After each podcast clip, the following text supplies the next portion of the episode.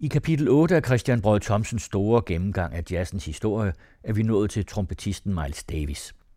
Han nåede at forny jazzen i flere omgange, og derfor har Brød Thomsen videt ham hele tre udsendelser.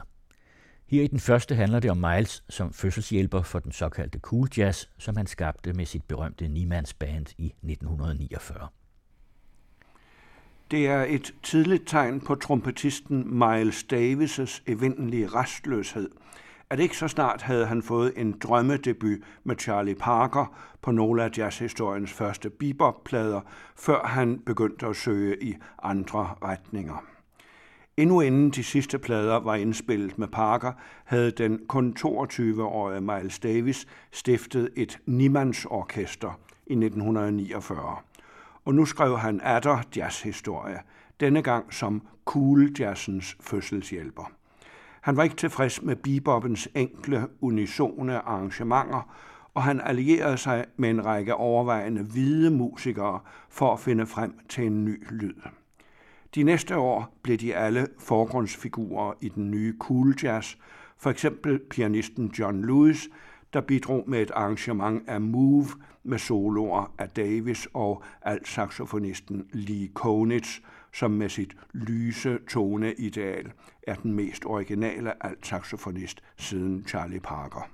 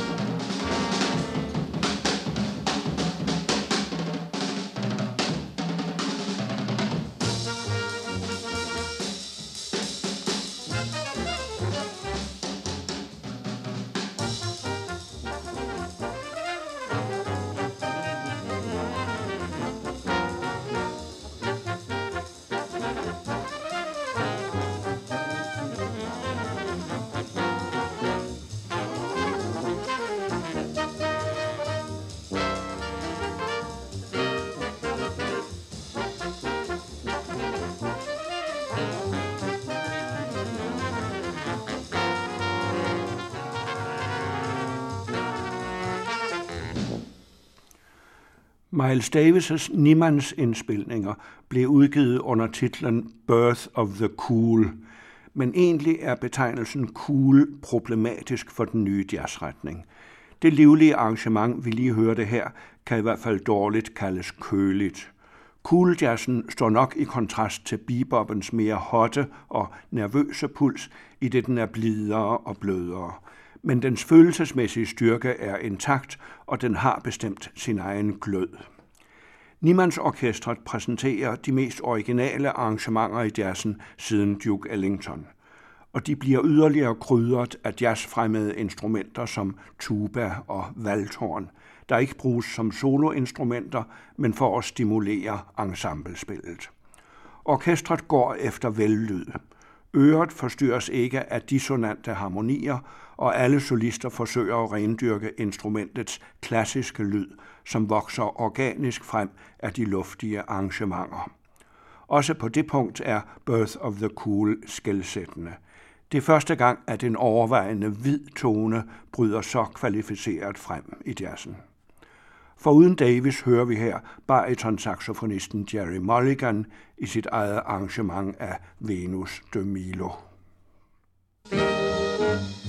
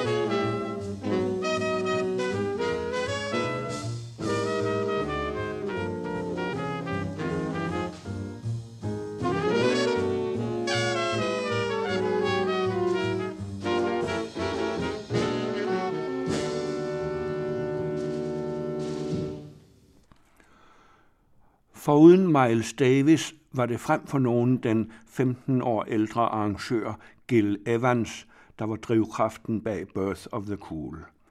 De to sluttede et livslangt venskab, og Gil Evans spartanske kælderværelse bag et kinesisk vaskeri i New Yorks musikkvarter blev nu cool jazzens arnested. Til trods for, at værelset kun havde plads til en seng, en kogeplade, et klaver og en gramofon, var det her den nye generation af musikere samledes.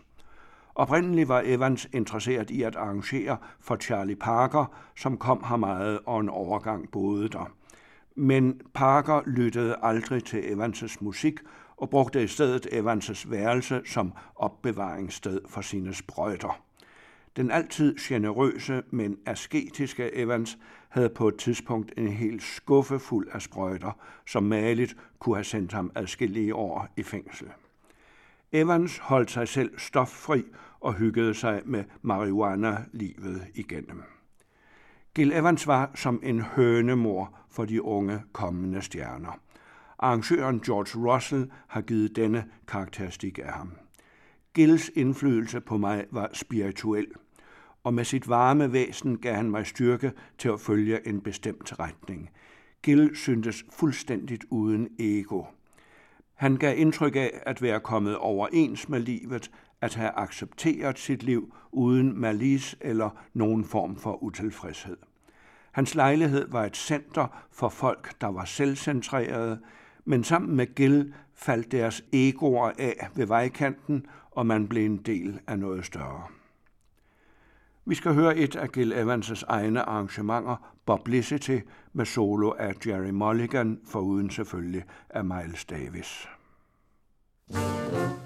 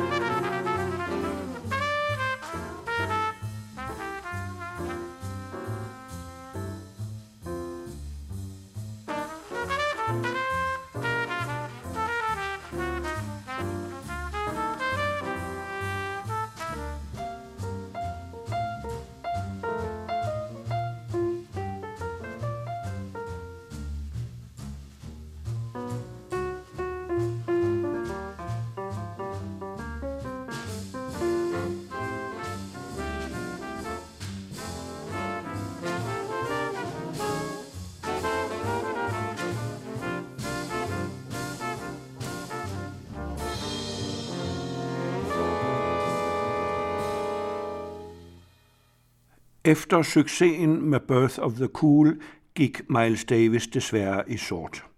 Skønt han på nærmeste hold havde oplevet heroinens katastrofale konsekvenser for Charlie Parker, blev han nu selv et offer for sprøjten.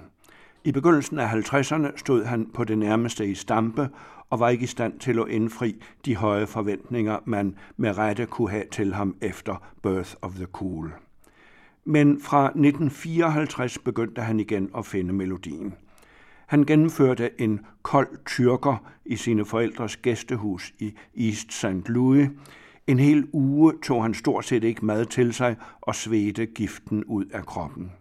Han var til sidst mere død end levende, men han kom over det, og i 1954 indledte han et meget frugtbart samarbejde med en ny tenorsaxofonist, Sonny Rollins. Vi hører dem i standardmelodien But Not For Me, en titel, man næsten kan se som symbolsk vendt imod heroinen.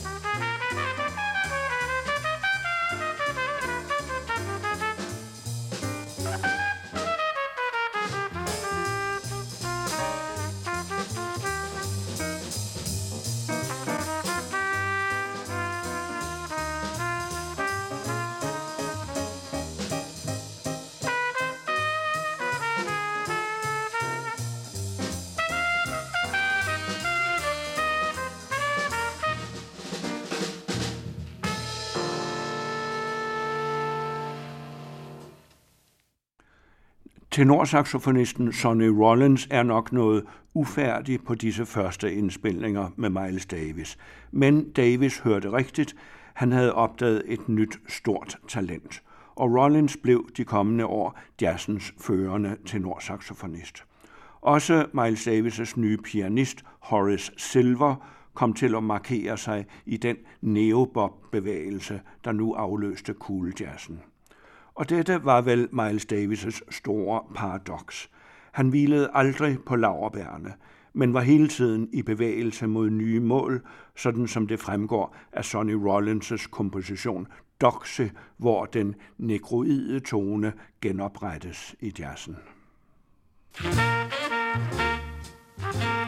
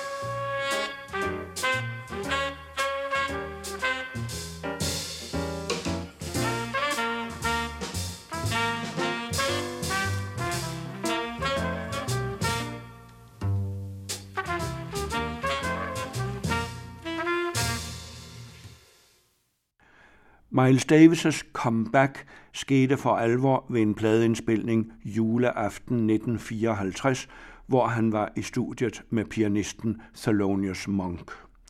De to havde stor respekt for hinanden, men de var nok for forskellige til, at de kunne arbejde sammen. Og den juleaften var de efter sigende ved at ryge i totterne på hinanden i studiet. Det skete under indspillingen af The Man I Love.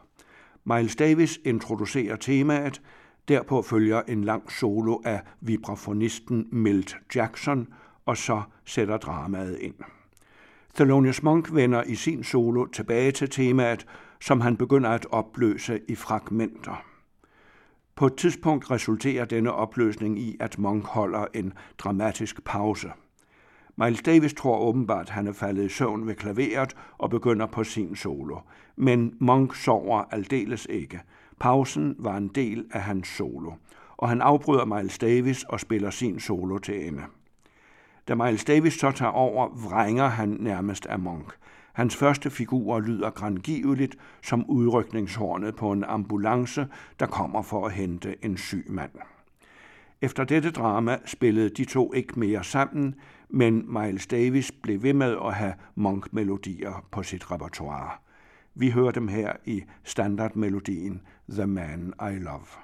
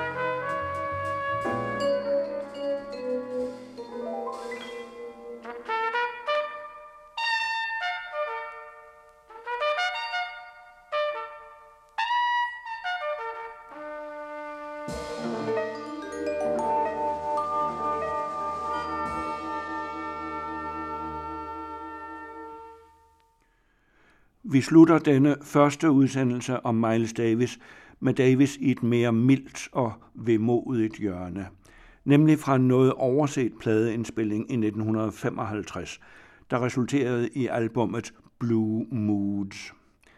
Davis ledsages her af vibrafonisten Teddy Charles i en meget smuk og indtrængende fortolkning af Nature Boy, der oprindeligt blev et gennembrud for sangeren Nat King Cole.